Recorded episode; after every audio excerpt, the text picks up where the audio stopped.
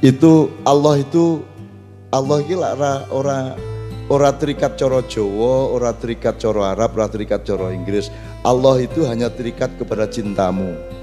Terikat kepada hatimu ki piye. Bahasane ki kecuali ketika syar'i ya sholat lima waktu ojo njur apa ke itu ya itu kan hanya untuk supaya kita tertib bayar pajak kepada Allah ya tapi tapi nek ndu bayar pajak to Pak nggih sembayang niku bayar pajak men dijupuk sithik wektune kok. Tiga ipat likur jam yang dijupuk paling sak jam pol.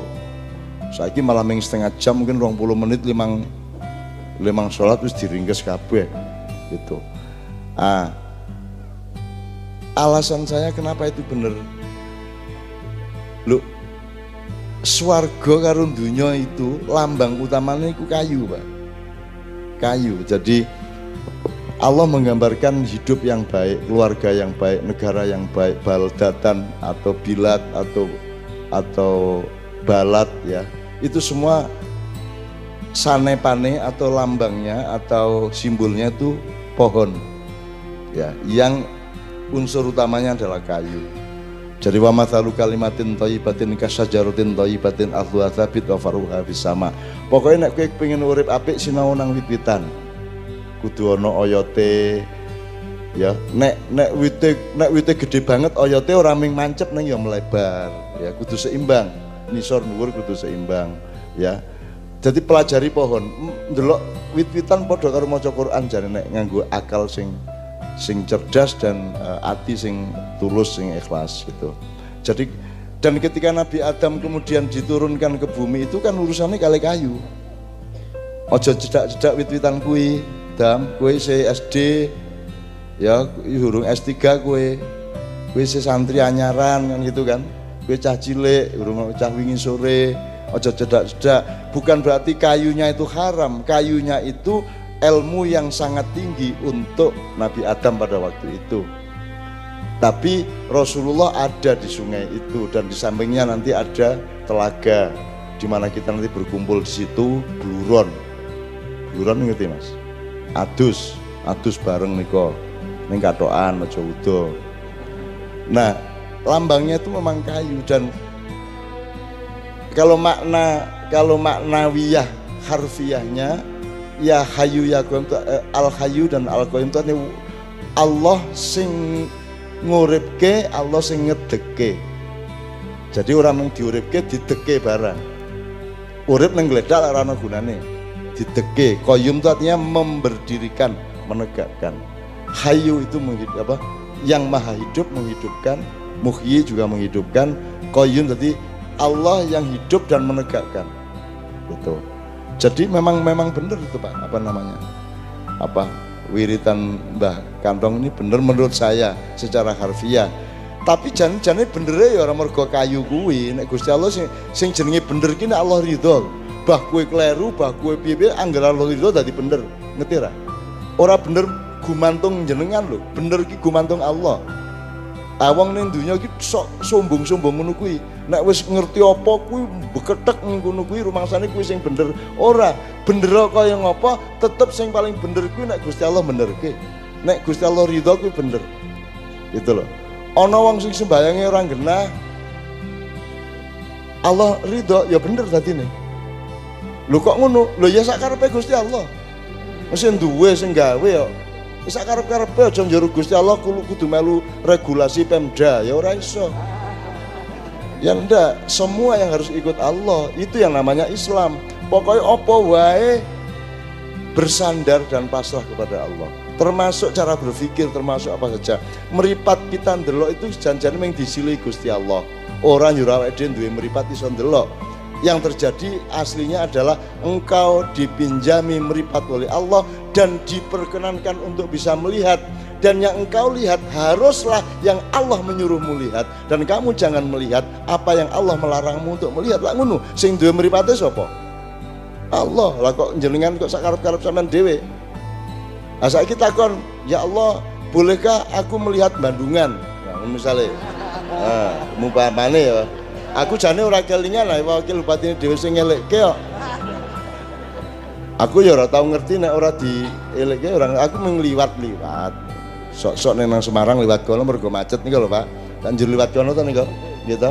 Mergo macet ora mergo tujuan-tujuan sing Ora njur dakwah dakwah ning kono ya ora. Ana sing rono ki jare ngopo kowe ning dakwah. Apa to? Bandungan iki lak Islami. Nek arep turu kae bismillahirrahmanirrahim. Mari dek kita mulai dengan Allahumma sholli ala Muhammad.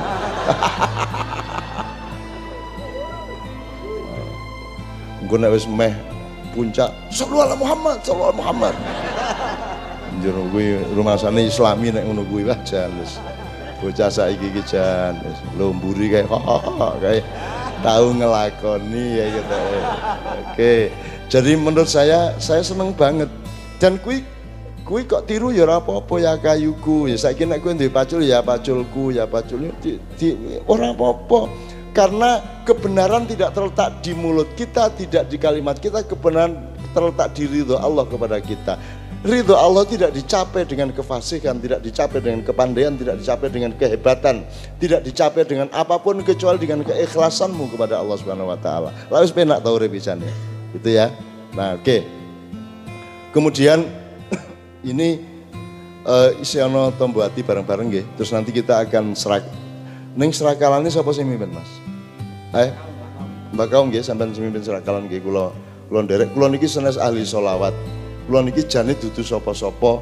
Ning nglakoni sembarang apa-apa tak lakoni mergo sing gelem nglakoni ya wis tak lakonane. Ana truk kok macet ora ana sing nyetir ya tak setirane.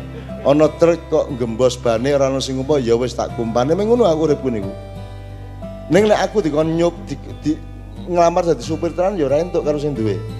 Nggih mboten? Wis aku saiki ngurusi Nahdien semene kae ben bengi. Ning bayangke entuk ora aku dadi ketua NU mesti nesu kan ning Jakarta mesti aku dielek-elek kan dibully kan ning medsos. Itu aku itu si A itu ngono kae. Ke liberal ngono kae. Macam-macam cangkeme pokoknya wis dan dilala aku ya ora pengen dadi apa-apa. Aku iki goleki aku iki apa? Kuwi tok wis angel. Aku iki sapa dikon ngopo kuwi wis angel. Kok ndadak duwe ide pengen dadi apa? Kuwi kadoan kanggoku aku iki Gusti Allah gawe aku diselehke ning kene kon ngopo? Kuwi aku angel golek. Kok dadak duwe ide pengen iki pengen iki ora ora keconggal jadi nganti saiki kula niku tasik tetep golek niku. Ya Allah kula janjane diken napa to kula niki kok sembarang kudu kula beresi? Mbok sisan mau nek ngeten kula ringkese Indonesia niki napa pripun? Ngoten lho sosok ngoten niku. Iki nek ngeten niki suwen ngeten niki bertele-tele ora karu-karuan iki terus. Salau deret ukur. Orang meng deret hitung ya toh deret ukur ngetas ya bapak-bapak tani ngetas deret ukur deret hukum deret hitung aku janjane meng nirokke janjane kon ngitung tenan ya ora iso mergo anakku lak pinter matematika dadi sok-sok krungu deret hitung deret ukur janjane piye aku ya ngerti Neng orang ngerti ki ya apa-apa. Aku simpati karo anakku, aku bersyukur karo anakku dan itu diterima oleh Allah. Kebenarnya terletak pada ridho Allah kepada kita. Nggih mboten? Maka Allah sangat berkuasa innallaha ala kulli syai'in qadir ra dibantah. Diskriminatif jenengan, ora sang ngono kuwi. Kok ora adil, kok demokratis. Demokrasi mbahmu aku sing gawe kok. Kan gitu. Ya, mayyahdillah fala mudhillalah wa mayyudlil fala hadiyalah yang Allah kasih hidayah dapat hidayah yang Allah menyesatkan akan sesat terserah serah Allah nah jenengan pilih pilih nanti pengen pilih yang pertama toh mbuh piye carane? Muga-muga dihidayai Allah muga-muga dintutun Allah muga-muga dalam keadaan apa pun saja sampean tetap bergantung kepada Allah. Ngoten nggih? Makanya Allah mengatakan kekasihnya adalah orang-orang yang tetap bersujud kepadaku dalam keadaan susah maupun senang, di dalam keadaan gelap maupun terang, dalam keadaan duduk maupun berdiri, tetap beriman kepadaku. Jadi kalau sampean sekarang sedang susah hidupnya, terus sampean tetap istiqomah kepada Allah, berarti kan dur derajat sampean. Nek wong suge bersyukur, aduh itu oke. Anak kangelan ini tetap bersyukur, tetap istiqomah berarti dur derajat sampean. Sekarang saya tanya terakhir sebelum tombo hati Nah ibarat wong kelelep, iki kan jenengan sedang mengalami kesulitan sebagai petani nggih Pak, Pak. Upama ibarat wong kelelep niku ana banjir, iku nek isih ming semene kan isih iso minggir. Nek wis mulai semene, ah iki lak wis Ah, is, is jelat menaiki waalaikumsalam iki, ya ta? Iki ya. Ah, sekarang yang anda alami itu wis semene apa sak gulu apa sak dodok apa janjane seming ning sor dengkul wae. Meh. Artinya kehidupan sehari-hari juga sudah sangat sukar. Nggih. Belum toh. Oh tadi ya urung tekan kene Pak sampean niku wajar. Berarti sampean tinggi badannya kayak Habibi. Cendi itu. Kok Habibi barang lagu jan utekku nang ndi ya Allah. Jadi kita belum sampai segini ya Pak ya, ya segini lah. Arti melaku ora lancar, neng ya tetap bisa urip. Nah, kita kan sejak mbah-mbah kita, sejak beliau ini mbah Mbah Hasyim Asyari, Ibu sinten? Mbah Nyai Tari sama Kiai Kantong kan kita sudah diajari. Nek bahasa Indonesia ini kan sedia payung sebelum hujan. Di setiap desa dulu mesti ono kedunge, mesti ono lumbunge. Itu kan siap-siap secara kolektif, secara bareng-bareng. Lumbung desa biar ono. Jadi ono darurat, kui tetap ono celengane ini bisa dilakukan sendiri, bisa dilakukan bersama, bisa dipimpin oleh pemerintahnya untuk punya lumbung-lumbung seperti itu. Jadi itu yang disebut aslinya dulu kan memang Indonesia itu negara kooperasi dini. Jadi kooperasi itu artinya menomorsatukan bebarengan. Nah, setiap individu dan keluarga mendapat berkah dari bebarengan masyarakat dan bangsa itu. Mulane di setiap desa selalu ada celengan-celengan nek banyu tam apa jenenge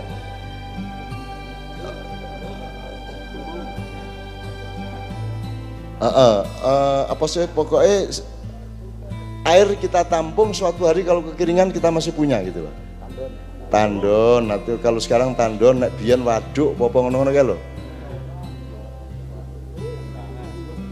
Enggak, yang gede Pak, yang untuk untuk ekosistem. Kalau beras makanan ada lumbung padi, biar bendeso ono lumbung Pak. Dulu ada lumbung dulu. Dulu Nah sistem lumbung ini kan harus kita terjemahkan lagi di setiap lokal Pak. Saya kira pemerintah kabupaten bisa menganjurkan untuk ada perkumpulan yang menyiapkan secara kolektif lumbung-lumbung seperti ini ketika nanti ada keadaan-keadaan yang darurat.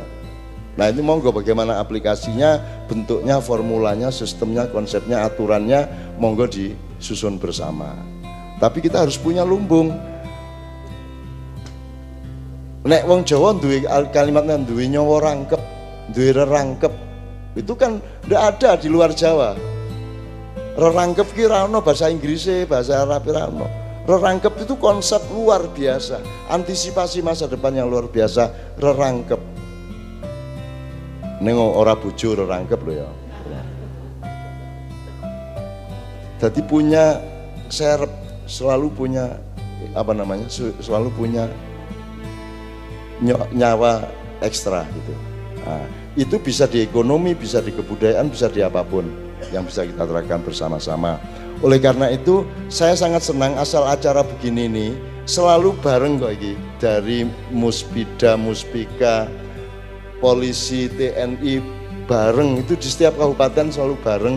Itu berarti isi beres Indonesia itu. Isi beres karena tetap ada tim penyelamat pada suatu hari. Nek ana apa-apa ki dadi misale saiki nek urusane ki khilafah urusane ki apa khilafiyah urusane ki bentrok soal uh, kenduran haram solawatan bid'ah dan seterusnya.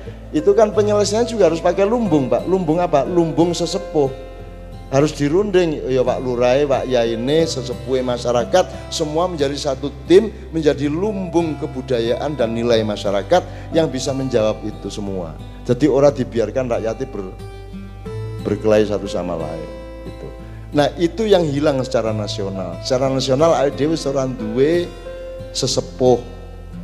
Sistemnya sudah kita amandemen UUD-nya ya sudah menjadi Undang-Undang Dasar 2002 orano sesepuhe orano majelis permusyawaratane wis orang duwe pusoko bangsa Indonesia. Iki mulane tidak pernah dikenal ada negarawan lagi. Orano punokawan rano negarawan rano begawan rano panembahan ya. Ibarat senjata duwene meng pacul karo pedang ran duwe keris. Keris itu bukan senjata tajam keris itu pusoko ora tinggo mateni uang keris kuwi. Sing nek arep perang ya pedang gitu loh. Pacul barang ora tinggo mateni uang ora tinggo macul ndas. Pacul nggo macul lemah gitu. Alatnya mbah kantong tadi jika bukan untuk pecel ora tinggo mecel uang kuwi tinggo mecel kayu kan begitu. Nah itu semua sistem yang sudah disediakan Pak Wakil Bupati mbah-mbah kita sudah mewarisi itu semua. Saya nyuwun sewu ya. Kait do dadi menteri ki lah berarti di pedang. Menurut jenengan kesan jenengan pejabat-pejabat kita di Jakarta kae jane nek pedang kan jogo negoro awas gue nek arep menjajah aku lah itu nek prasaku kok saya do nyekel caan to pacul to. Pedangnya tinggu macul. Gimana Ming golek duit, golek badhe nggih mboten, Pak? Loh, kudune masyarakat pegang cangkul menyisihkan sedikit untuk gaji presiden, menteri dan pejabat. Mereka tidak usah cari duit. Betul enggak?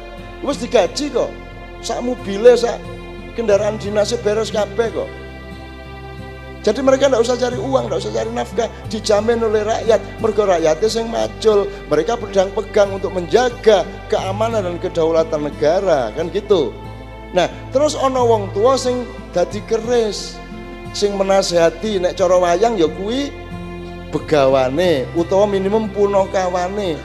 Gareng Petro eh, Semar Gareng Petro Bagong kuwi dudu badut, dudu pembantu. Itu sahabat yang arif namanya. Ponokawan itu sahabat yang memiliki ilmu dan kebijaksanaan. Dan pemerintah kita tidak punya sahabat, dia punya staf ahli, gitu.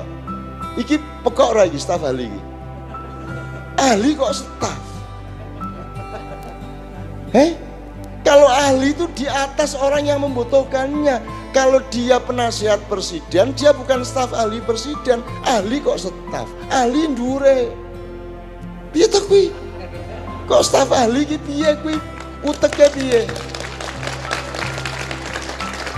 Nek ngono dudu ahli nek staf kuwi.